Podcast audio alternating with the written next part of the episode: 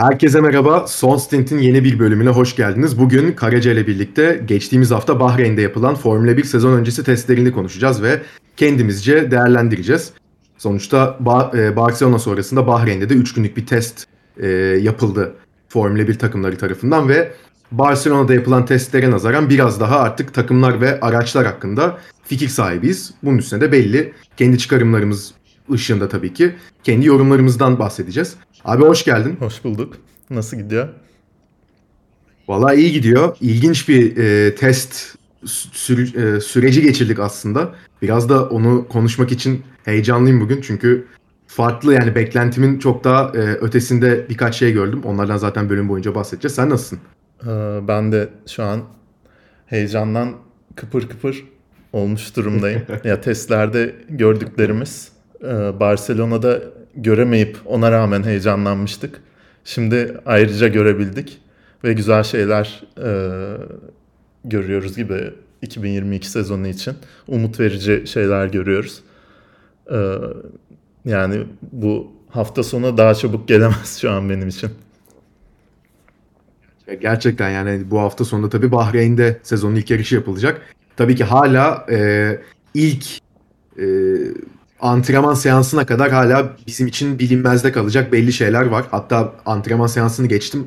E, sıralama turlarına kadar aslında cevaplayamayacağımız sorular olacak ama tabii bu 3 günlük test sürecinde e, bizim de yakaladığımız, takip ettiğimiz hani takımların da güncelleme getirmeleriyle birlikte hani attıkları tur zamanlarındansa yol tutuşları, bu e, purposing olayları nasıl arabalarda, takımlardan takıma nasıl değişiyor e, veya yavaş virajlarda nasıllar, hızlı virajlarda nasıllar bunları sonuçta en azından seyredebildiğimiz ve takip edebildiğimiz kadarıyla görebildik.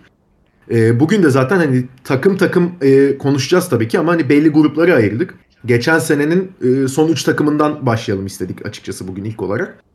E, ve ilk konuşacağımız takım da Haas olacak tabii ki. Geçen sene e, 0 puanla bitirdiler ve geçen sene zaten 2021 e, sırasında hatta 2021 sezonunun başlangıcında aracı tamamen daha doğrusu takımın tamamen 2022 sezonunun aracına odaklandığını biz biliyorduk. Kendileri de söylüyorlardı bunu. E, 2021 senesini tamamen e, bir sonraki seneye hazırlık olarak geçireceklerini ve 2021 senesi sırasında herhangi bir e, güncelleme getirmeyeceklerini ve para harcamayacaklarını söylemişlerdi ki zaten e, yarıştan yarışa baktığımız zaman neredeyse 2 hatta 3 saniyeye varan farklar olduğunu biz görüyorduk. Haas aracının e, gridin geri kalanından yani 9'uncudan bile neredeyse 2 saniye geride kaldıkları sıralama turları ve yarışlar biz seyretmiştik geçen sene. Bu sene başında tabii bir önceki bölümde de konuşmuştuk. Mazepin'in e, gidişi, e, Ural Kali'nin sponsorluktan çekilmesi derken biz bölümü çektiğimizde ikinci Haas pilotu belli değildi. Yani sağ olsunlar bölümü yükledik. Bölüm yüklendikten yaklaşık bir, bir saat sonra Kevin Magnussen açıklandı ve ben de çektiğimiz bölümde ne Magnussen'i ya demiştim. Hani böyle bir ahkam keser gibi. Sanırım daha yüklememiştik Tabii ki bile. Biz yükleyebilene kadar sanırım. açıklandı sanırım. Sanırım öyle bir şey oldu. Yani çok yakın yakın oldu. Ee, ama Magnussen'in biz geldiğini, Formula 1'e geri döndüğünü gördük e, bir senelik aranın ardından. Ve genel olarak ha aslında bu 3 gün içerisinde tabii e, araçlarıyla geç geldi Bahreyn. Öyle bir sıkıntı da yaşadılar ama e, Formula 1 tabii e, takımlar da e, kendi aralarında bir karar aldılar ve 9 takımın e, izninin çıkmasıyla beraber Haas'a da e, her gün sonu ikişer saatlik ekstra süre tanındı testlerini tamamen yapabilmeleri için. Bir tek orada McLaren e, buna karşı çıkmış. Niyesiyle alakalı herhangi bir bilgimiz yok şu an ama. E, ama dediğimiz gibi Haas bu 3 günü açıkçası iyi geçiren takımlardan bir tanesiydi. İstiyorsan önce Kevin Magnussen'le başlayalım. Sen ne düşünüyorsun bu konu hakkında? Abi Magnussen'in gelişi bence tüm takımda bir moral kaynağı oldu. Morali arttı gibi bir e, izlenim oluştu bende. Artı birden Kesinlikle. yani son bir hafta 10 günde Haas'ın genel etrafındaki enerji öyle bir arttı ki bence. E, Mazepin'den kurtulmuş oldular. Çok hani garip ve eşi benzeri olmayan bir şekilde. E, hani zaten e, pilot olarak yetenekleri sorgulanabilir bir durumda. Onun dışında takım içi gerginlik oluşturduğunu da e, düşünüyorum ve birkaç hani som, somut örnek de var bu konuda. Ondan kurtuldu, kurtuldular. Yerine e, çok istemeye istemeye e, yollarını ayırdıkları daha önce 4 sene beraber çalıştıkları bir pilotu getirdiler. Ve hani e, daha önceki Drive to Survive sezonlarından da görmüştük. Günter Steiner seviyor Magnussen'i. Günter Steiner'in sevdiği bir adam da gerçekten kolay kolay buluna, bulunamaz bence. Ee, Zor. Bu arada Magnussen de yani e, 2020 sonunda takımdan ayrıldığında ben anca galibiyetleri oynayan veya orta sıraların üstüne oynayan bir takımla gelirim. Artık Formula 1 e, zor falan modundaydı. Şimdi Haas... Hayat pek öyle geçmiyor. Aynen Haas e, Günter aramış bizzat. Arayınca direkt hani sorgusuz sualsiz tamam demiş ve hani birkaç günde de konuşmalar tamamlandı zaten. E, Günter Steiner de o konuda bayağı heyecanlı gözüküyordu. Mick Schumacher zaten hani sorun yaratan bir sürücü değil. Artı e, yetenekli bir sürücü.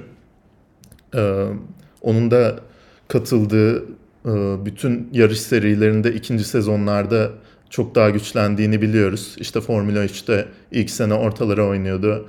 E, ikinci sene şampiyon oldu. Formula 2'de de öyle.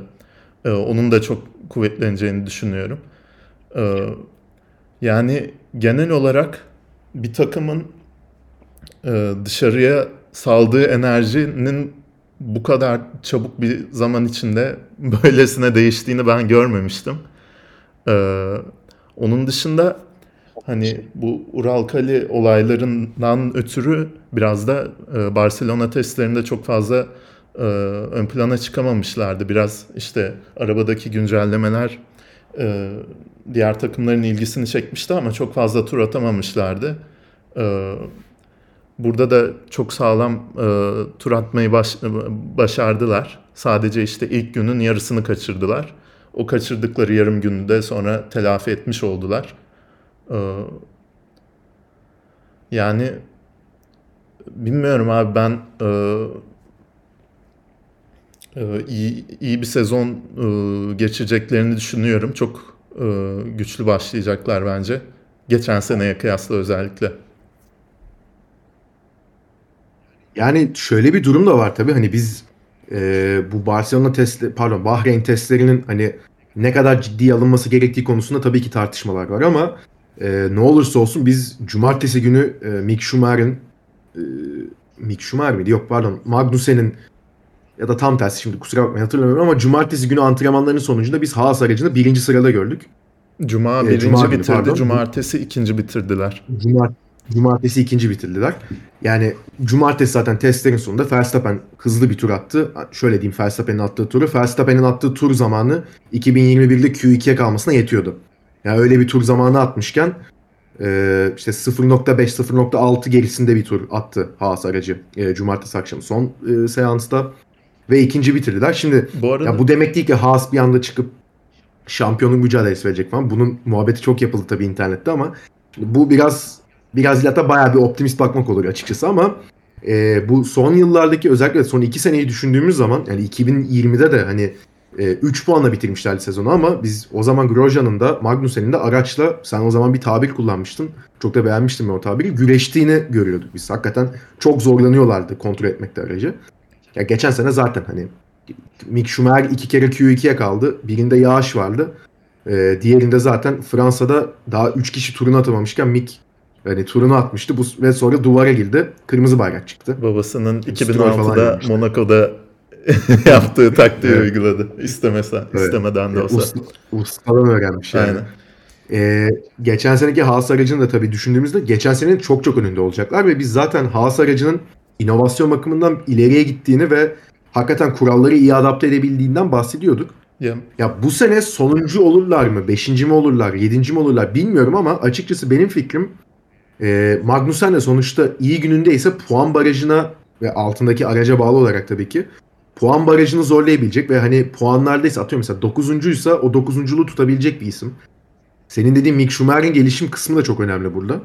Ya ben e, açıkçası bu sene puanlar alabileceklerini düşünüyorum. Gayet de e, hızlı, hızlı olmasından önemlisi virajlarda daha stabil bir araç çıkarabilmişler. Onu en azından görebildik biz. Ya o açıdan bence te, e, testlerin en parlayan yıldızıydı. Hani takımıydı. Çok netim bu konuda. Hani Ferrari'si Red Bull tabii ki onları konuşacağız birazdan ama e, hem senin dediğin o negatiflikten pozitifliğe dönüş hem de bir senede attıkları bu adım e, en ön plana çıkan e, takımdı bence Haas. Evet ya benim için de öyle. Ee, zaten işte magazinsel boyutu işin e, o, o bakımdan da çok öne çıkmışlardı. Ee, onun dışında da araçta böyle ufak tefek e, yenilikler var. Başka takımların düşünmediği ufak yenilikler var. Ee, işte shark fin denen kısmı var mesela aracın. Orada değişik bir konsept uygulamışlar. Hani e, yenilikçi tasarımlar var. Genel olarak çok önlere oynayabileceğini düşünmüyorum. Ama kesinlikle diğer takımlarında e, inceleyeceği böyle has bu aman bir şey olmaz demeyeceği e, bir araçla giriyorlar bence sezona. Bu arada e, senin de dediğin gibi zamanlara çok öyle e, güvenmemek lazım. Hani son iki günde çok e, sağlam zamanlar elde ettiler ama e, şöyle bir şey de olabilir. E, diğer takımlar dolu depoyla işte ne bileyim eski lastikle yarış simülasyonu yaparken Haas ana sponsorunu kaybetmişken sponsor çekmek için böyle hızlı turlar atmış da olabilir. Bu daha önce çok görülmüş bir olay. Mesela McLaren e, 2015'ten sonra Honda ile imzaladığında hep görüyorduk böyle tek turla zaman listelerinde ön plana çıkmaya çalışıyorlardı sponsor kazanmak için. E şimdi de e, Gene Haas e, sıkıntı yok ben karşılarım bütçeyi gibi açıklamalar yapıyor ama mümkün olduğunca daha az e, para harcamak isteyecektir. Sponsor çekmek isteyecektir. E bir de e, takım da çok büyük bir dalgalanmadan geçti şu anda. E, takım içi morali arttırmak için de böyle bir şey yapmış olabilirler. yani kesinlikle o yüzden e, ilk ikiye, ilk üçe oynayacaklarını düşünmüyorum. Ama e, potansiyel gösterdikleri konusunda e, hiçbir şüphem yok benim de. Kesinlikle. Şimdi bu tabii e, son grupta yani 3 takım olarak ayırmıştık biz bu grubu zaten. Bir tanesi Haas'tı zaten. Diğer ikisi de Alfa Romeo ile Williams. Bu ikisini birlikte konuşalım istiyorsan. Biraz daha hızlı geçelim bu takımları. Çünkü doğal olarak izleyenler de biz de hani üstte oynayan takımları daha çok konuşmak, dinlemek istiyoruz. Ee, Alfa Romeo ile Williams biraz açıkçası ilginç. Mesela Williams'ın durumu e, genel kanı da Williams'la alakalı Barcelona'da daha iyilerdi. Ya yani en azından daha bir stabil gözüküyorlardı. Tabii ki hani biz Barcelona testlerini seyredemediğimiz için çok kıyaslama yapamıyoruz ama hani medya mensuplarının genel bakış açısı bu. Ve e, Bahreyn'de birkaç sorunda yaşadılar. Mesela araçları bir yerde alev aldı. O çok ilginç bir şeydi yani. Nasıl olduğunu anlamadım. Latifi'nin yanlış hatırlamıyorsam. Yani Albon bilmiyorum ne kadar alıştı. Yani Albon'la ilgili şöyle bir sıkıntı var. Normalde Formula 1 sürücüleri çok uzun insanlar olmuyor yani 1.70, 1.75 aralığında olan insan. Mesela Tsunoda tamam kısa 1.59 da. Albon Grid'in en uzun 2-3 pilotundan bir tanesi 1.86 mı ne Albon? En uzunu yani galiba. Boylarında bir... Ocon'dan daha uzun. Ocon mesela sırık gibi duruyor ama. Olabilir. Evet. Ya Ocon, Russell, e, Albon en uzun üçlü. Onu biliyorum Hı. da hani 1.86-1.89 arasında bu üçlü. Şimdi Albon'un öyle bir aracı oturması tamam hani Russell'dan sonra o da uzundu. Ayarlaması biraz kolay olabilir ama Albon içinde şöyle bir sıkıntı var. Red Bull programından geldiği için ilk defa Red Bull dışına çıkıyor. Ee, yani ne kadar adapte olabilecek ve hani altındaki araç sonuçta Red Bull'da sıkıntılar yaşamıştı ama Red Bull aracı o sene açık ara yani 2020 sezonunda açık ara ikinciydi. O yüzden hani altındaki araç iyi iyiyken kendisi kötü performans gösteriyorsa bile atıyorum 12. başladıktan sonra 5. de çok rahat bir şekilde tırmanabiliyordu Albon araç bunu sağlıyordu. Ama Williams'da bunu yakalayabilecek mi bilmiyoruz. Çünkü Williams'ın da stabilite anlamında sıkıntıları olduğunu gördük biz ve bu purposing işte dalgalanma diye çevrilmiş Türkçe, Türkçesi. Sen Yunuslama dedin. Çok daha mantıklı. Değil mi? Kesinlikle katılıyorum. Dalgalama ifade etmiyor onu bence. Çok iyi ya. Evet tam ifade etmiyor. Ya bu sıkıntıdan Williams'ın sorun yaşadığını ve sıkıntı çektiğini gördük biraz. Ya o yüzden Williams konusunda mesela ben hani çok e, şey istemesem de hani daha yukarılarda olmasını istesem de Williams'ın ben yine sonlarda olacağını düşünüyorum. Hakeza Alfa Romeo için de aynı düşünce içerisindeyim. Alfa Romeo bir kere zaten dayanıklılık açısından çok büyük sıkıntılar çekmişti Barcelona'da. Bahreyn'de de bu sorunların biraz devam ettiğini gördük. Yine e, mesela Bottas'ın yanlış hatırlamıyorsam cumartesi günü artık tam oturttuk her şeyi rayına turlarımı atabiliyorum derken bir anda araç kapandı. Kenara çekmek zorunda kaldı. Ee, bu işte Guan Yu da abi çok zor isim bu arada nasıl okunuyor bilmiyorum.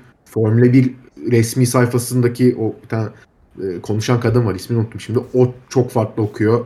Sürücüler çok farklı okuyor. Herkes farklı okuyor bilmiyorum nasıl okunduğunu. Guan Yu Zhou mu? Ya, Zhou Guan- Guan Yu mu? Ondan bile emin değilim ben şu an. E abi Ya evet. ilk onu soyadını söylüyorlar galiba e, Çinliler. O yüzden Evet. e, zaman ekranlarında Zhou Guan Yu diye yazacak sanırım. E, öyle gözüküyor. Ama hala kafamı Ya ama karıştırıyor. Onun da mesela tam adam akıllı turlar atamadığını gör. Yani attı da neye yaradı bilmiyoruz. Yani 2019'da 2018'de böyle tek turda en çok 2019'da böyleydi. Tek turda çok hızlı bir Alfa Romeo vardı o zamanlar. Ama mesela yarış temposuna baktığın zaman hani herhangi bir şey e, ifade etmiyordu. Hani bir tek düzlükte geçmesi zordu DRS açıkken bile. Ya bu sene de araçların daha rahat birbirini takip edebildiğini gördük biz en azından belli bir süre. Ya o yüzden Alfa Romeo ile Williams açıkçası özellikle Alfa Romeo benim e, çok beklentilerimin altında kaldı. Ya bu sene e, sıkıntı yaşayan Bottas suratını daha çok görecekmiş gibi bir his var içimde. Yani takımın performansı bakımından sıkıntı yaşayan Bottas suratı görebiliriz ama sülalesi rahat bir Bottas olacak. Aynı zamanda hani O, o 5 sezondur Hamilton'ın takım arkadaşı olduğu için sürekli öyle görüyorduk. O konuda çok e, hani psikolojik açıdan zorlanmayacaktır bence. Hatta bu seneyi böyle bir e, rahatlama sezonu olarak bile düşünebilir o bakımdan. rehabilitasyon. Aynen. Ee, Albon'un da ben e, aynı şekilde çok daha rahat bir e, mentaliteyle bu sezon yarışacağını düşünüyorum. Ee, yani e, haklısın ikinci en iyi araç olarak 12. e, gelip e, 12. başlayıp 5.liğe falan çıkabiliyordu. Ama yani e, medyanın da öyle bir baskısı vardı ki onun üstünde Verstappen'in hani takım arkadaşı olması dolayısıyla e, şimdi bir sene e, kenarda geçirdi Red Bull'un gelişimi için hatta Verstappen'in şampiyonluğuna büyük katkısı oldu deniyor. E, onun verdiği bir rahatlık da vardır bence bir olgunluk da vardır. Şimdi Williams'da çok büyük beklentiler olmayacaktır. E, Latifi de daha önce takım arkadaşı olmuştu Formula 2'de. Hani e, onu e, açık kollarla karşılayacak bir ekip var bence. E, o yüzden hani Albon'un e, sürücü performansı bakımından çok kötü olacağını düşünmüyorum. Hatta Latifi'nin önüne bile geçebilir.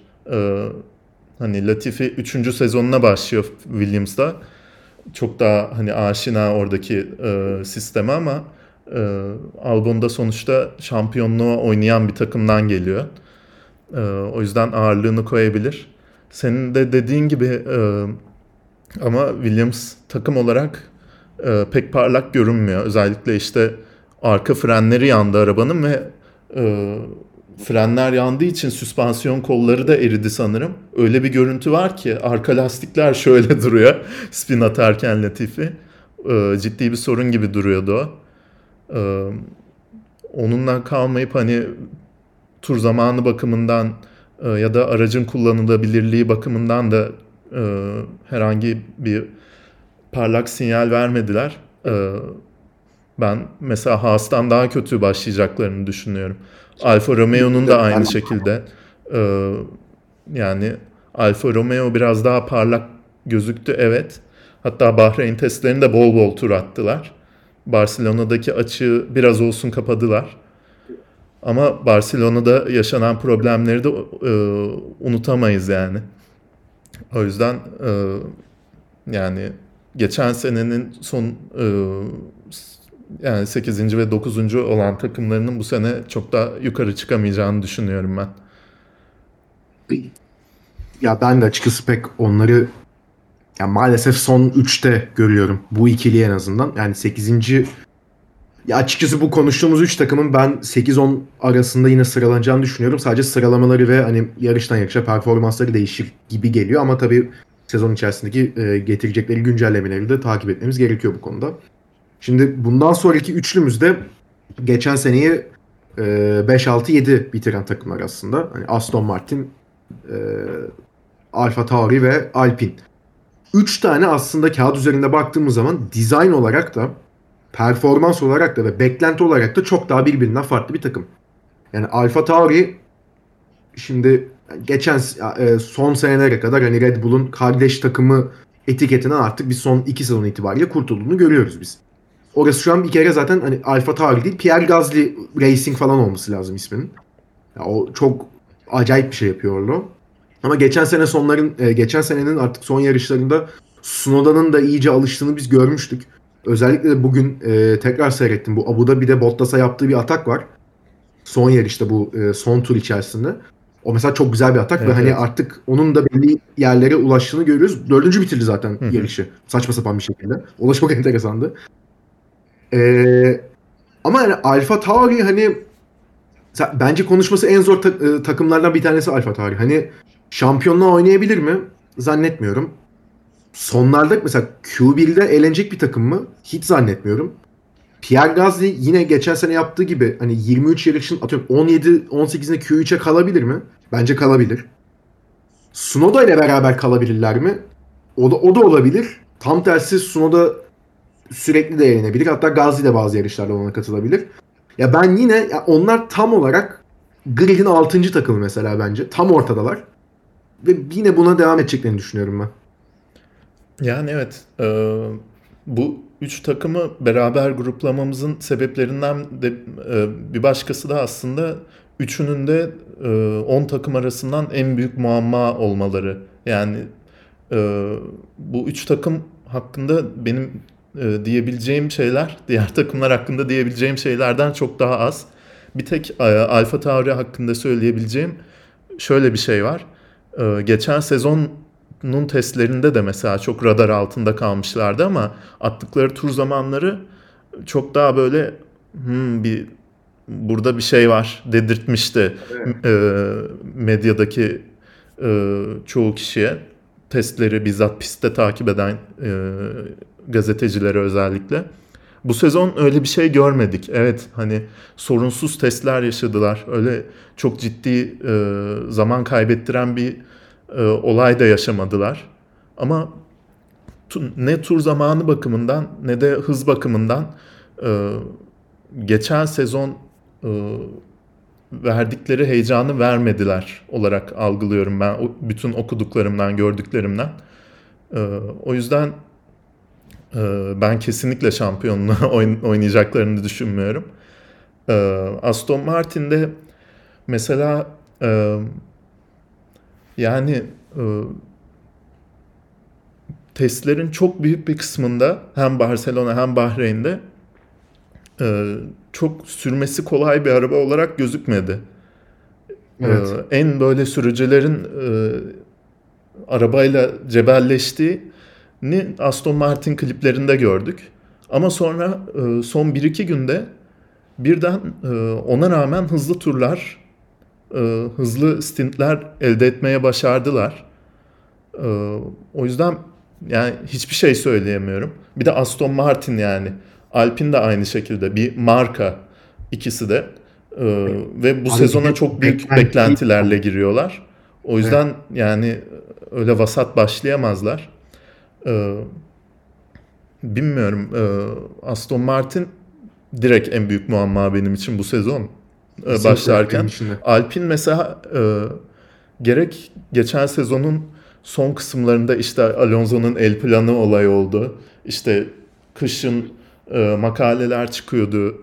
E, oradan buradan yazı çıkıyordu. Açıklamalar çıkıyordu. E, seneye işte Alpin güçlü olacak diye mesela. E, testlerde bunu çok göremedik. İşte e, sürekli bir sıkıntı yaşadılar. Araç kaldı mesela. Ee, Abi şöyle bir durum var. Çok özür dileyerek araya gireceğim Alpine'le alakalı. Onunla alakalı çünkü sana da e, sormak istiyordum Alpine özelinde. Aston Martin ve Alfa Tauri hakkında zaten daha ekleyeceğim bir şey yok benim. Biraz daha Alpine odaklı gidebiliriz o yüzden bu konuda. Onların özellikle de bu 1 e, Mart 2022 itibariyle 2026 başına kadar motor güncelleme durduruldu. Herkesin bildiği performans gibi. bakımından. Motorla performans bakımından. Hı. Aynen öyle. Yani motor artık bugün hangi güçteyse motorlar, bu dört tane motor üreticisi var zaten e, gridde şu an. 2026'ya kadar bu şekilde devam edecek. Yeni bir motor gelmedik sürece ki geleceğini de zannetmiyorum açıkçası bu arada. 2026 sonrasına Porsche falan konuşuluyor da o, o zamanın konusu. Alpine'in özellikle bu e, sezon arasında motor güncellemesinde olabilecek maksimum performansa ulaştığı söylendi. Ama bu e, maksimum performansa, maksimum güce ulaşırken dayanıklılık, dayanıklılık anlamında belli şeylerden feragat ettiği de konuşuldu. Ki biz bunu zaten Alonso özelinde gördük. Alonso senin dediğin gibi yolda kaldı. Hı hı. Şimdi sence bu sezon içerisinde çünkü e, geçen sene başında da Alpine olarak e, yeniden işte bu rebranding'i yaptıklarından sonra e, şampiyonluk için yaklaşık bir 100 yarışa ihtiyaçları olacaklarını e, söyle, söylüyorlardı ki hani esas mantıklı hedefinde 2024 sezonu olduğunu, olduğunu belirtiyorlar. Yani biz 3 sezonu tamamen gelişim için kullanacağız. Tabii ki bu sırada yarış galibiyetleri, işte podyumlar hedefleyeceğiz. Ama bizim için gerçekçi şampiyonluk savaşı 2024'te olacak diyorlardı. Şimdi bu motor e, güncellemelerinin dondurulmasıyla da beraber böyle bir sıkıntı çıktı Alpine'de. Şimdi Alpine'in araç olarak dizaynı yine fena gözükmüyor. Evet farklı şeylere gitmişler. Bunda zaten hemfikiriz hep beraber de. Sen özellikle bu motor konusunda ne düşünüyorsun? Ben bu sezon içerisinde günlerindeyse mesela gayet hızlı bir araç olacaklarını ve Alonso'nun da per Ocon'un da burada açıkçası denkleme katabilirim. Günlerindeyse hakikaten podyumu zorlayabilecek bir e, performans çıkarabileceklerini düşünüyorum. Pistten piste göre tabii ki. Daha mesela uzun düzlüklü pistlerde ben Alpine'in bayağı zorlayabileceğini düşünüyorum yukarıları. Ama işte buradaki kritik nokta dayanıklılık. Sence sezon içerisinde bu dayanıklılığın üzerine mi daha çok gidecekler yoksa araç gelişimine mi gidecekler? O açıdan mesela bence muamma. Evet. E, yani e, aslında dedikleriyle örtüşen bir e, plan uygulamışlar. Bu sezona hani şampiyonluk e, hedefiyle başlamıyorlar. Bütün her şeyi atmışlar motora. E, bütün bulabilecekleri her şeyi yığmışlar güncellemeleri. E, ve hani e, örneğin her yarışa yeni bir motorla çıksalar belki e, her yarış galibiyeti zorlayabilirler ama e, ya o dayanıklılık sorunları ne kadar olacak bilmiyorum. Ee, sadece dayanıklılık güncellemeleri getirebiliyorken de böyle bir şey yapmak mantıklı bence. Çünkü e, ya bir anda e, şampiyonluğa oynayabilecek bir e, seviyeye gelecekler mi bilmiyorum. Kendileri de bence gerçekçi bir şey olarak e, görmüyorlardı bunu. Her ne kadar kurallar komple değişmiş olsa da. Ee, senin de dediğin gibi piste göre e, çok güçlü performans gösterebilirler. Ee, ve e, Alpine'le ilgili duyduğumuz şöyle bir şey de var. Alpine'in kuvvetli gözüktüğü yerler yavaş virajlar. Mesela Barcelona evet. testlerinde son sektör tamamen yavaş virajlardan oluşuyor. Son sektörde çok kuvvetli gözükmüşler. Ee, ve hani e, bu yeni nesil araçlar en çok yavaş virajlarda zorlanıyor. O yüzden bu önemli bir şey. Ayrıca hani yavaş bir virajda geçirdiğin süre hızlı bir virajda geçirdiğin süreden çok daha uzun. O yüzden elde edebileceğin e, zaman kazanımı da çok daha fazla olabiliyor. Yavaş virajlarda hızlı olduğunda. Ee, bu da mesela çok dur kalk virajların olduğu pistlerde mesela işte Bakü'de hep 90 derece virajlar ve uz- uzun düzlükler var. Bakü'de inanılmaz kuvvetli bir alpin görebiliriz mesela.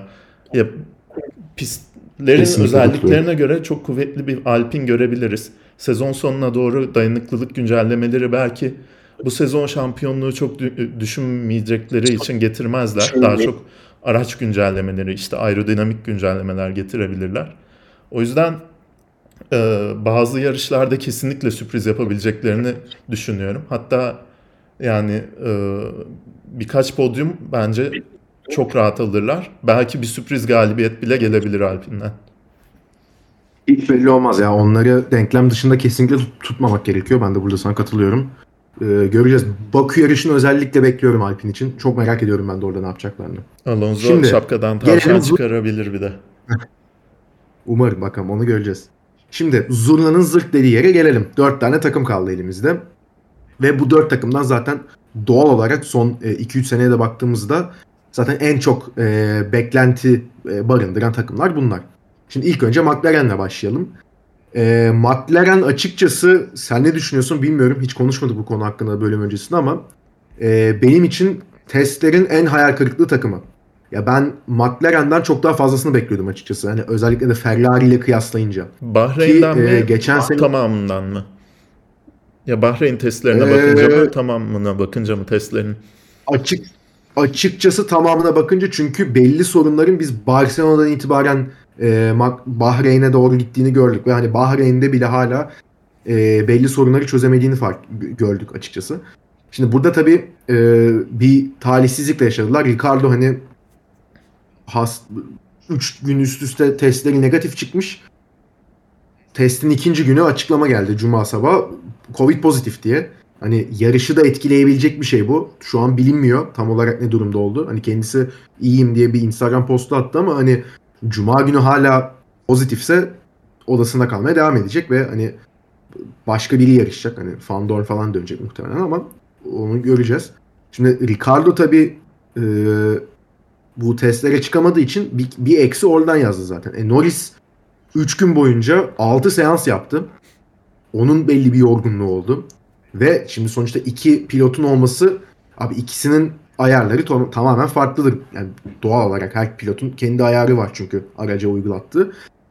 Yani hem Ricardo'nun bu yeni araca alışması açısından hem de takımın Ricardo'ya alışması açısından bir kere orada çok büyük bir sıkıntı yaşadılar.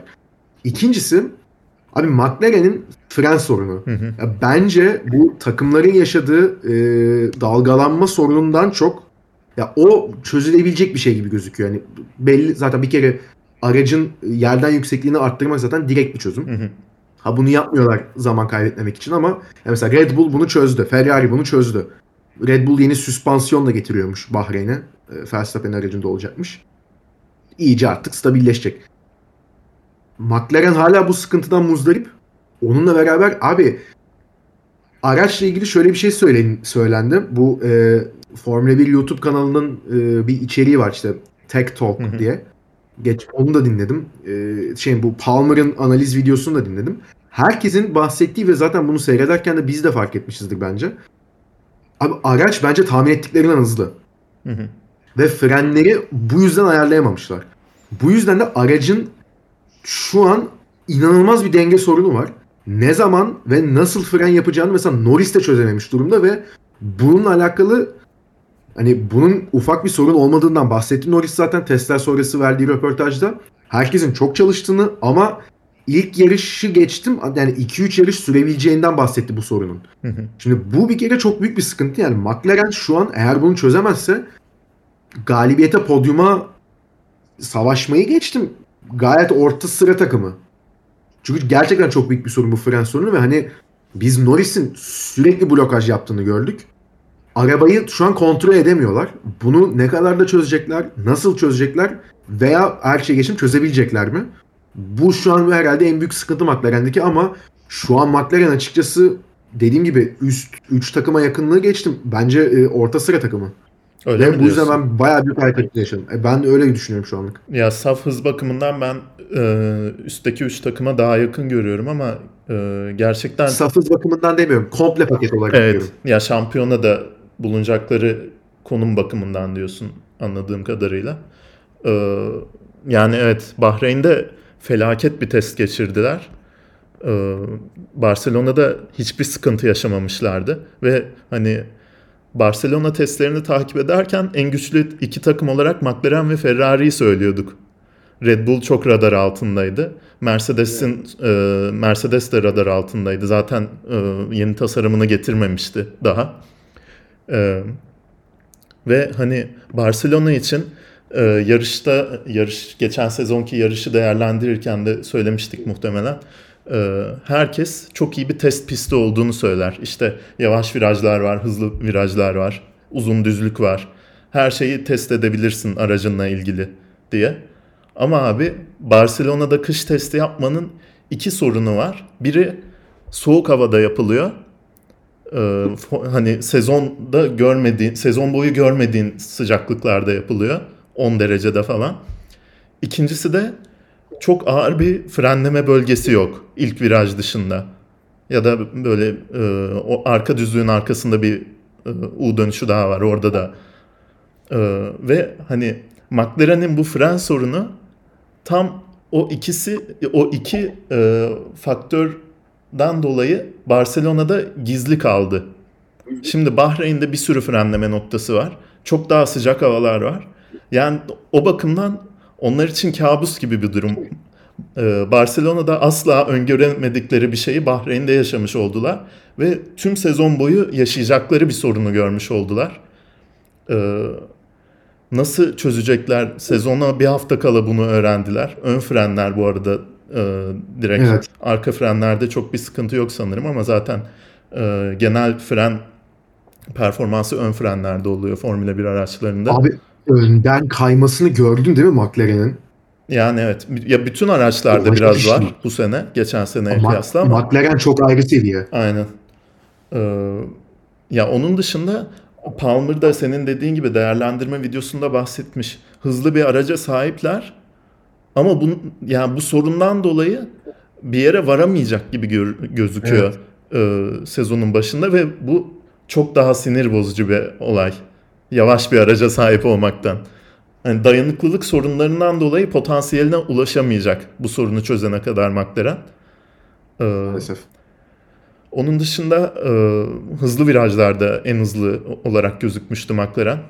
E, ama demin de dediğim gibi hızlı virajlarda e, aracın performansının çok yüksek olması evet güzel bir olay ama çok fazla zaman kazandırmayacak onlara. E, yani bu frenleme problemi e, bilmiyorum çok da hani temel bir problem çözmesi hiç kolay bir problem değil. E, bence e, başları çok ağrıyacak ve hani e, işte takım patronu Zac Brown, Andres Seidel'la falan olan röportajlarda da McLaren'in suratı asılmış duruyordu bu geçtiğimiz haftada.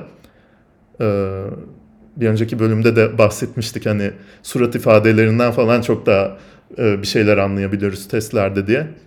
E, ben de sana katılıyorum hani şampiyonada bulunacakları yer bakımından ilk üçe çok e, yaklaşamayacaklar bence.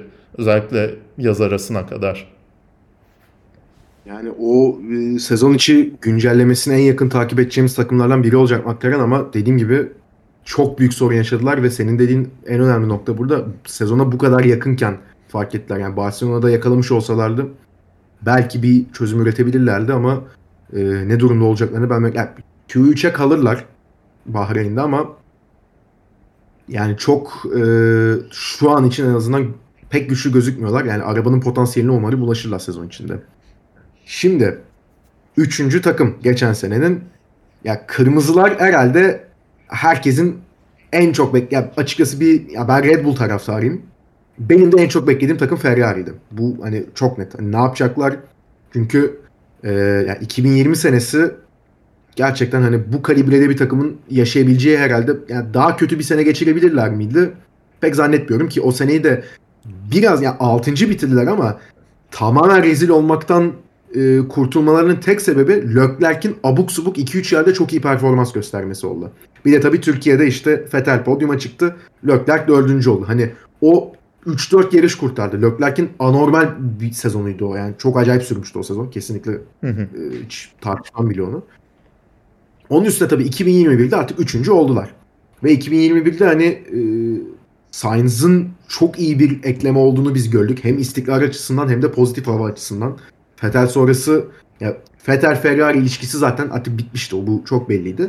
Sainz Ferrari e, ilişkisi aşırı pozitif. Yani şöyle diyeyim Vettel'in yarış mühendisi e, Sainz'ın yarış mühendisi oldu. Adam Baby Shark söyledi ya şeyde bir yarış sonrası. 2020'de radyodan, şeydi hani... ya böyle u- uyuyakalacaktı yani Fettel'le konuşurken yarışlarda böyle sesi çatallanıyordu. Öyle bir depresif bir haldeydi. Öyle bir halden Sainz'a Baby Shark söyleyebilecek beraber hani radyoda mesela son yarışta bağıracak 5. bitirdikten sonra Smooth Operator söylüyor. Yani inanılmaz bir havaya bürünmüş durumdalar. Leclerc zaten e, gelişimini çok güzel devam ettiriyor. Ve esas amacın 2022 sezonu olduğu zaten belliydi Ferrari açısından. Ve açıkçası beklentileri bence karşıladılar. Bir kere agresif bir e, dizaynla geldiğini biz zaten konuşmuştuk Ferrari'nin.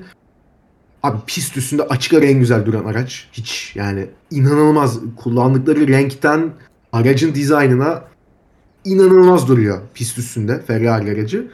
Ama sadece inanılmaz durmakla kalmıyor. Performans olarak da gayet iyi bir seviyedeler. Şimdi motoru ne kadar e, açtılar, ne kadar az veya fazla yakıtlı tur attılar bu bilinmiyor. Ama genel olarak baktığım zaman hep e, bu zaman çizelgelerinde üst sıralarda olduklarını, birinci, ikinci, üçüncü olduklarını gördük ve bununla birlikte pist üstünde en stabil gözüken iki araçtan bir tanesi bence şu an. Aynen. Sürüş anlamında ve hani hem e, viraj e, performansına baktığımız zaman hem de düzlük performansına baktığımız zaman. Ki zaten geçen sene sonunda motor güncellemesiyle bir yaklaşık 15-20 beygirle kazandıklarını kendileri sırf geçen sene sonunda getirdikleri güncellemeyle söylemişlerdi. Anladığım kadarıyla kış arasında motor güncellemelerine devam ettirmişler ve gücü olabildiğince yukarıya çekmişler. Yavaş virajlarda zaten geçen sene iyi bir araç olduğunu biliyorduk biz Ferrari'nin ama e, bu sene artık iyice bir seviyede atlamış durumdalar ve şampiyonluğun en azından şu an için bence adaylarından bir tanesi. Hatta şöyle diyeyim Bahreyn e, yarışının iki favorisinden bir tanesi Ferrari ama pozitif bir Ferrari görmeyi ben özlemişim. Ama öyle diyeyim. Öyle sana atayım pası. Abi evet yani hızlı Ferrari görüyorduk. 2017-18'de gördük ama böyle pozitif bir atmosferli Ferrari ben e, Schumi'nin zamanlarından beri hatırlamıyorum sanırım. E, dediğin gibi e, en stabil gözüken araba şu anda Ferrari arabası. Ve e, ya herhangi bir zayıf noktasının olmadığı söyleniyor. Ne işte hızlı virajlarda, ne çekişte, ne işte frenlemede hiç e, genel sürülebilirlik bakımından e, hiçbir sıkıntısı olmadığı söyleniyor. E, ve yavaş virajlarda özellikle gridin yıldızı olduğu söyleniyor. İşte e, herkesin gözlemine göre. Bu da işte demin değindiğim e, noktadan dolayı çok önemli bir durum. E, yani testlerin, e, 6 günlük testlerin e, Barcelona'yı da dahil ediyorum. E, 5,5 gününde benim için e, en iyi araç Ferrari'ydi. Sonra sonda bir soru işareti oluştu ama e, Cumartesi akşamı bir adam çıktı. evet bir şampiyon çıktı. Abi, Ee, Geleceğiz ona. abi ya e, gerçekten kuvvetli duruyorlar ve hani e, bu sezonki araçlarda daha büyük jantların kullanılmasıyla mesela süspansiyonlar çok daha e, gergin ayarlanıyor. E, o yüzden körbleri mesela çok iyi e, geçen seneki kadar iyi e, gidemiyor araçlar mesela. O konuda da e, Ferrari'nin daha e, diğer takımlara göre gelişmiş bir durumda olduğu söyleniyor. E, yani hiçbir e, dayanıklık dayanıklılık bakımından da bir problem yaşamadılar. Turlarını attılar her gün. Her gün 100 turu geçtiler mi bilmiyorum. Geçmiş olabilirler. En fazla tur atan takım sanırım Ferrari. E, yani ben bilmiyorum abi. 2016'dan 2019'a kadar kış testlerinin bir numarası Ferrari'ymiş. Olanları gördük sonra. Ee, yani bu sezonda zaman ekranlarında birinci değiller ama e, en hani potansiyeli yüksek, en e, komple paket olarak görünen takım bence Ferrari. Bilmiyorum abi ben sanırım kendimi bir kez daha e, acı çekmeye hazırlamış durumdayım. Kırmızılara kaptıracağız seni o belli. Ama yani abi şey de çok komik ya. Mattia Binotto da totem mi yapıyor ne yapıyor bilmiyorum. Yani abi görüyoruz yani iyi duruyor araç.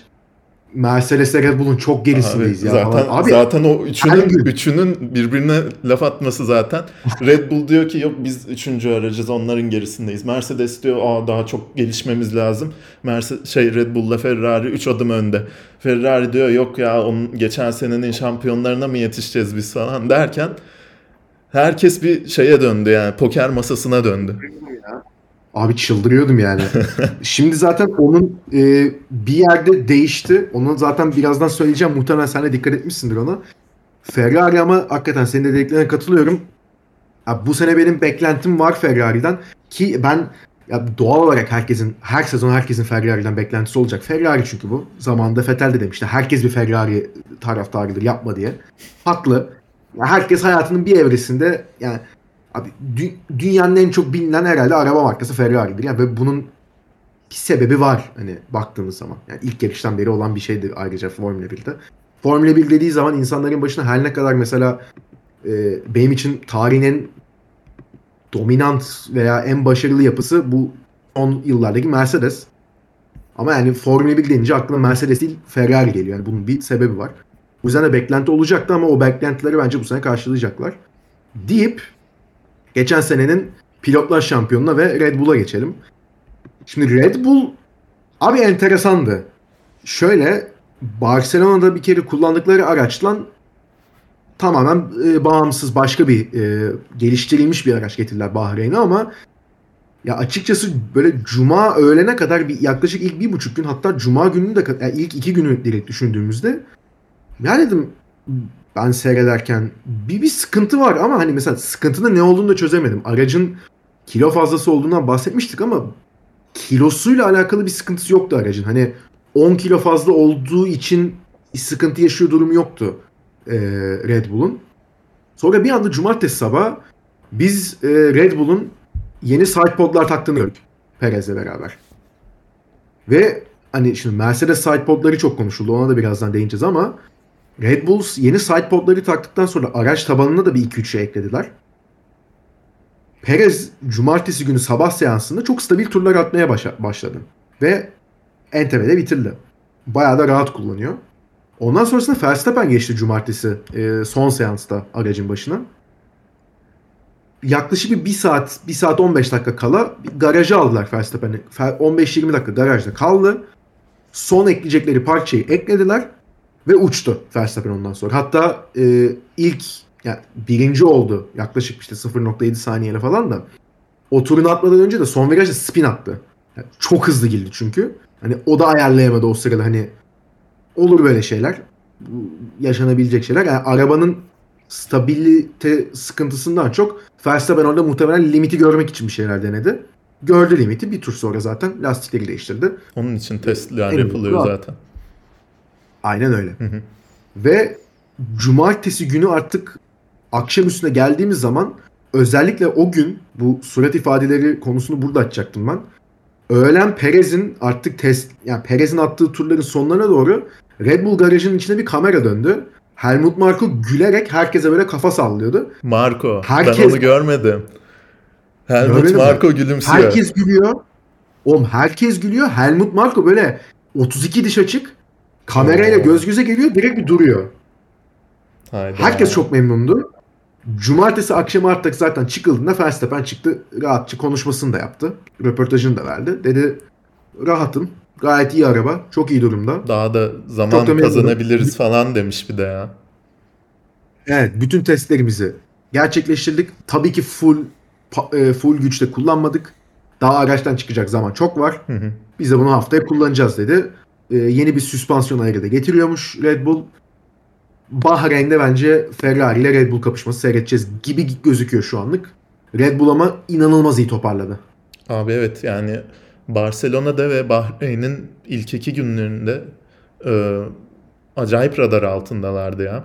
Böyle en iyi üçüncü, dördüncü araba olarak başlayacaklar e, gibi düşünüyorduk. Sonra birden yeni sidepodlar, yeni güncellemeler geldi. Ve hani sürüş bakımından da çok rahat bir araç gibi gözükmüyordu. Yeni güncellemelerle birlikte birden e, hani raylara oturmuş kadar neredeyse rahat sürülebilen bir araç haline geldi. Tabii bu seneki e, gelen kural değişiklikleriyle beraber geçen seneki kadar ne hızlı olabiliyor araçlar ne de e, raylarda e, gidebiliyor ama yani aracın genel vücut dili çok değişti o son güncellemelerle. Tur zamanında da gördük. İşte surat ifadelerinde de e, görmüşüz ben Marco'nun gülümsemesini görmedim ama Marco gülüyorsa abi hakikaten iyidir. E, yani dediğim gibi Ferrari'den bahsederken 5,5 günde Ferrari iyi gözüküyordu ama çok büyük e, soru işaretleri getirdi Red Bull'un son e, gündeki öğleden sonraki performansı.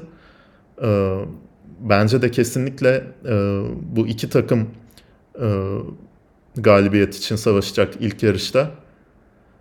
Yani e, ve hani geçen sezon son e, dişe diş giden e, şampiyonluk yarışından sonra Red Bull'un ben bu kadar güçlü e, gelmiş olabileceğine de acayip şaşırıyorum yani. Çünkü geçen sene e, bütün ya rest çekmişlerdi. Bütün ne varsa 2021 aracına vermişlerdi. E, bu seneye böyle girebilirlerse, düşündüğümüz gibi girebilirlerse gerçekten çok büyük iş başa- başarmış olurlar. E, yani e, bilmiyorum. Abi Kuvvetli olacaklar. şöyle bir durum, şöyle bir durum da var. Bu cost cap 150 milyon dolar yanlış bilmiyorsam bu e, senelik. Hı hı.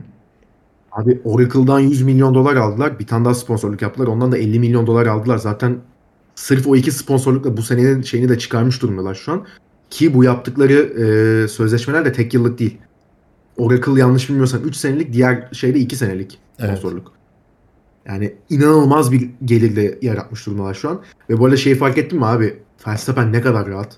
Evet evet. Şampiyon Abi, rahatlığı var. yıkan. Bu arada şey Evet. 2028 sonuna kadar imzaladı. Onun verdiği takımda da bir rahatlık vardır bence. Evet. Çünkü ta Kesinlikle. e, Toro Rosso ile imzaladığından beri sürekli acaba e, iyi performans göstermezsek gider mi Verstappen diye bir soru işaretleri vardı. E, Şampiyon olduğunda da bahsetmiştik bu e, Red Bull için çok önemli bir olay olacak diye. Verstappen'i tutmak bakımından. Hani onun stresini de yaşamayacaklar. Ee, hani birinci pilotu zaten şimdi artık şampiyon olmanın verdiği bir rahatlıkla yarışacak. Ee, bakalım. Yani gerçekten kuvvetli duruyorlar şu anda. Evet. Ve ben bunu diyeceğimi bek- düşünmüyordum. Yani 3 gün öncesine kadar. Cumartesi abi ben seyrederken en son dedim ne oluyor yani ne oluyor yani pist üstünde ben çok şaşırdım zaten ama şu an iyi yolda gözüküyor Hı hı. e, Red Bull bakalım şu anlık en azından iki favoriden biri gibi duruyor şimdi neden iki favoriden biri diyoruz son takımımıza geçen senenin e, takımlar şampiyonuna geçelim Yine mi Son bu tuzağa düştük oldu. Can? Abi yani totem mi her sene yap ya bir kere şey zaten sezon öncesi tös- e, testlerinin klasiği her takım patronunun birbirini yani en kötü takım biziz. Diğerleri çok iyi. O zaten klasikleşmiş bir şey de e, Mercedes ve Lewis Hamilton'ın kendilerini aşağıda görme sendromu var. Bu bu inanılmaz bir şey. Zaten ya şöyle diyeyim Hamilton pilotların katıldığı e, basın toplantısında mesela konuşma yaptı. Biz dedi şu an Red Bull ve Ferrari'ye yetişebilecek durumda değiliz. Cuma akşamüstü söyledi bunu yanlış hatırlamıyorsam ya da cumartesi sabah söyledi. Yetişebilecek durumda değiliz. En azından ilk 3-4 yarış bu gidişle ge- e, gerekli güncellemeleri getirmezsek yarış galibiyeti için yarış, e, denklemde olmayacağız. Şampiyonluk için bir şey diyemem çünkü sezon uzun. İlla ki aracı geliştireceğiz ve potansiyelimize ulaşacağız diyor. Şimdi bu açıklama düştükten sonra zaten internet ayağa kalktı. Abi yeter artık hani yapmayın diye. Çünkü bu çok klasikleşmiş bir şey. Yani her sene biz e, işte şeyin söyle adını James Wows'dan gü- işte dinliyorduk. Bu James Ellison'dan dinliyorduk. İşte Bottas çok takılmıyordu da Hamilton abi biz bittik diyordu. Ondan sonrasında bir hafta sonra 38 saniyeli yarışı kazanınca işte e, fabrikadaki bütün e, kadınlara, erkeklere hepinize teşekkür ederim. Bir haftada nereden nereye geldi? Abi bir haftada bir yerden bir yere gelmiyorsun yani. Yani Ben de sinirleniyorum buna doğal olarak. Ki herkes sinirleniyor. Ama şimdi burada bir ama var. Mercedes'in hiç bu testler sırasında şeyini seyrettin mi? Ya böyle yukarıdan pilot kamerası yani daha doğrusu helikopter ve drone kameralarından çekişleri var. Bir de pilotların kendi gözünden genel pist üstü gidişler. Hiç seyrettin mi onları? Çok seyretmedim ama çok şey duydum. Ya hiç rahat durmuyor araç. Sürekli Russell e, sıkıntı yaşadı diye gördüm. Ha. Frenlemede mesela. Şimdi şöyle bir sıkıntı var. Abi illaki şeyi görmüşsündür. Bu purpo- yani purposing olayı en çok Mercedes'te var. Ve şimdi bunun şöyle bir sıkıntısı var. Russell da e, testler bittikten sonra bir röportaj verdi. Mutlaka okumuşsundur sen de. Bu sorundan dolayı Mercedes çoğu şeyde istediği verileri elde edememiş 3 gün boyunca. Ya tur atmışlar 3 gün boyunca. Okey testlerini daha doğrusu kendi programlarını bitirmişler ama mesela yavaş virajlarda iyi olduklarını biliyoruz. Yeni bir sidepod tasarımı getirdiler. Ultra agresif. Yani sidepod yok gibi bir şey. Çok ilginç bir durum. Ama yani düzlük performansı, hızlı viraj veya orta viraj performansında istedikleri verilerin çoğunu elde edememişler. Çünkü araç sürekli yukarı aşağı sallanıyor. Ve bu çok büyük bir sıkıntı olarak gözüküyor Mercedes için şu an. Ve hakikaten pazar akşamına doğru artık ben de özellikle Reddit'te işte belli forumlarda dolanırken ben de seyrettikten sonra özellikle bayağı bir kısmını şu an için Red Bull ve Ferrari'nin hakikaten arkasındaymış gibi gözüküyorlar. İki tane yani tarihin en başarılı pilotuna ve bir tane de inanılmaz potansiyelli ve mutlaka 2020'li senelerde bir tane şampiyonluk almasa bile o denklemin içinde kesinlikle seneler boyu olacak bir pilota sahipler. Bahreyn'de yarış kazanamazlar veya podyuma çıkamazlar demiyorum. Ama şu anlık gördüğümüz tek tur hızında da yarış temposunda da Red Bull ve Ferrari'nin gerçekten arkasında gibi duruyorlar. Bu sefer galiba gerçekten totem yapmıyorlar. Yani bunu kaçıncı defa Ama bizi hala düşündürtüyorlar. Hala düşündürtüyorlar bunu. Evet, son sene, 8 senenin takımlar şampiyonu abi Mercedes yani. Ee, ve bunların sadece e, ikisinde sanırım kış testlerini birinci bitirdiler. Mesela 2019 2015 2020 2019 kış testlerine nasıl girdiklerini hatırlıyor musun? Felaket durumdaydı. Hiç sürülebilir gibi gözükmüyordu. Sonra ikinci haftada bir güncellemeler getirdiler. Ha, bu sene de iyi olacaklar gibi ya dedik. Sonra domine ettiler zaten. 2019'da 8'de 8 yapmadılar mı oğlum? Öyle başladılar aynen. ee, şey e, ama o testlerde gerilerde kaldıklarında bile e, hani tur zamanında çok belli etmiyorlardı. Gazdan ayaklarını çekiyorlardı ya da e, hani tam hız odaklı ayarlarla o test turlarını atmıyorlardı ama şimdi gerçekten sürüşü zor bir otomobil var gibi. E, ve o zamanlar hani tur, turun tamamında olmasa bile birkaç virajlık böyle e, bölümlere baktığın zaman e, Mercedes aracında gerçekten hani çok rahat, kullanımı çok rahat, çok hızlı bir araç olduğunu anlayabiliyordun. Tur zamanına özellikle yansıtmasalar bile. Ee, bu sene öyle bir şey de çok görülmedi. Ee, işte Russell'ın, Hamilton'ın yaşadığı problemler, bu Yunus Saman'ın çok ciddi olması. E, bence yine çok hızlı bir araca sahipler. Ee, Burada ve... bölüm sana bir soru soracağım bununla alakalı. Şey fikrine katılıyor musun bu senin dediğine de bağlantılı olarak? Abi adamlar her şeyi maksimize etmek ve her şeyden yüzde yüzünü almak istiyorlar. Hı hı. Ve böyle bir tasarımda yapmışlar açıkçası. Çok agresif bir sidepod ve genel araç tasarımı var. Şu an yüzde yüzünde olmadıkları için mi böyle diyorlar ve araç geliştirip hakikaten bekledikleri yere gelirlerse bir dominasyon bekliyor musun Mercedes'ten? Çünkü ben biraz bekliyorum. Ee, ben de bekliyorum. Çünkü Mercedes'in son birkaç sezondur e, artık karakteristik bir durum oldu. E, ayarı bulmaları zor oluyor. Hani aracın maksimum performansı verdiği o pencere e, çok dar oluyor. Ama onu buldular mı domine ediyorlar. Ve şimdi bu hani bu kadar e, iddialı bir sidepod tasarımıyla geliyorlarsa bir bildikleri vardır bence. Son 8 senenin şampiyonu olarak. Sadece henüz e, tam olarak nasıl e, maksimize edebileceklerini bilmiyorlar bence. Bence çok rahat galibiyeti oynayan bir takım olacak. Ama o noktaya e, hani e, bunu çözene kadar şampiyonluğu alabilecekler mi emin değilim. Bu kadar sürüşü zor bir araçla. E, bir de şöyle bir şey de var. E, Ferrari'den biri demiş mesela biz de bu sidepod tasarımını düşündük. İşte testlerini yapmıştık seçim yapmaya çalışırken. Ve hani çok uçuk bir tasarım olduğunun farkındayız. Ama biz kendi tasarımımıza güveniyoruz demiş Ferrari mesela.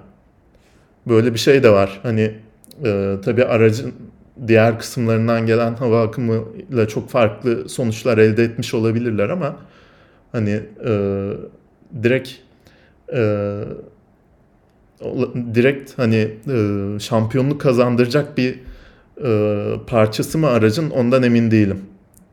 Yani bu e, sürüşün zor olması çok daha ciddi bir problem. Çünkü sürüşün e, zor olması demek sürücünün arabaya tam olarak güvenmemesi demek. Arabayı ona göre çok daha böyle e, konservatif bir şekilde ayarlıyorsun. Tam olarak Geçen sene de bu sorunu yaşamışlardı mesela. Tesla'da. aynen zaman zaman yaşamışlardı. 2019'da yaşamışlardı biraz tabii de e, testlerde özellikle sonra çözdüler onu hemen. Çözünce de ne olduğunu gördük. E, yani o biraz çığ efekti oluyor arabaya güvenmediğin durumlarda. E, arabanın hani düzgün sürüşünün ol- olacağını düşünmediğin durumlarda. E, onun dışında saf hız olarak ben e, ilk ikiye yakın olduklarını düşünüyorum. Sadece istikrar bakımından yakalayamay- yakalayamayabilirler. E, e, ama sanırım Mercedes'in takımlardaki dominasyonu bu sene bitecek şampiyonluklar bakımından. Yani bunu çok böyle derin bir nefes alarak söyledim ama bakalım. Take it with a pinch of salt denir ya hani. Aynen. Tam olarak öyle bir şey.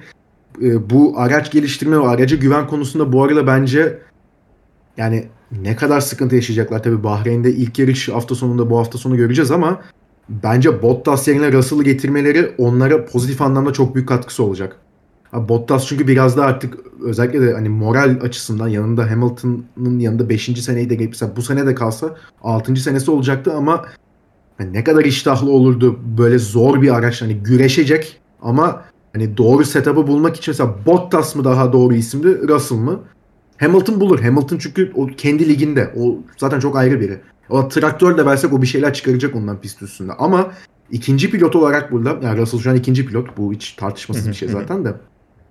Russell'ın burada getireceği hem teknik anlamda hem de mental psikolojik anlamda çok daha büyük katkıları olacağını düşünüyorum. Bence Russell'ın da burada denklem içinde olması Mercedes'in bu sorunları çözmesini daha hızlandıracak e, etkenlerden biri. Evet yani Bottas'ın varlığı biraz daha hani e, takımdaki hiyer- hiyerarşinin belli olmasını e, beraberinde getiriyordu. Tamam Hamilton önde, Bottas da var burada ikinci pilot olarak diye görülüyordu. Şimdi kendini kanıtlamak isteyen bir Russell var. Evet ikinci pilot ama e, yani ekstra bir şekilde hem kendini hem de takımı zorlayacaktır bence. Konfor Kesinlikle. alanından çıkaracaktır. Ee, Mercedes öyle çok konfor alanında takılan bir takım değil gerçi. Hep birbirlerine, kendilerine en böyle e, acımasız davranan, en fazla öz eleştiri yapan takımlardan biri ama daha da fazla öz eleştiri yapacaklardır ve ben hani e, öyle ya da böyle sezon ilerledikçe e, toparlayacaklarını düşünüyorum.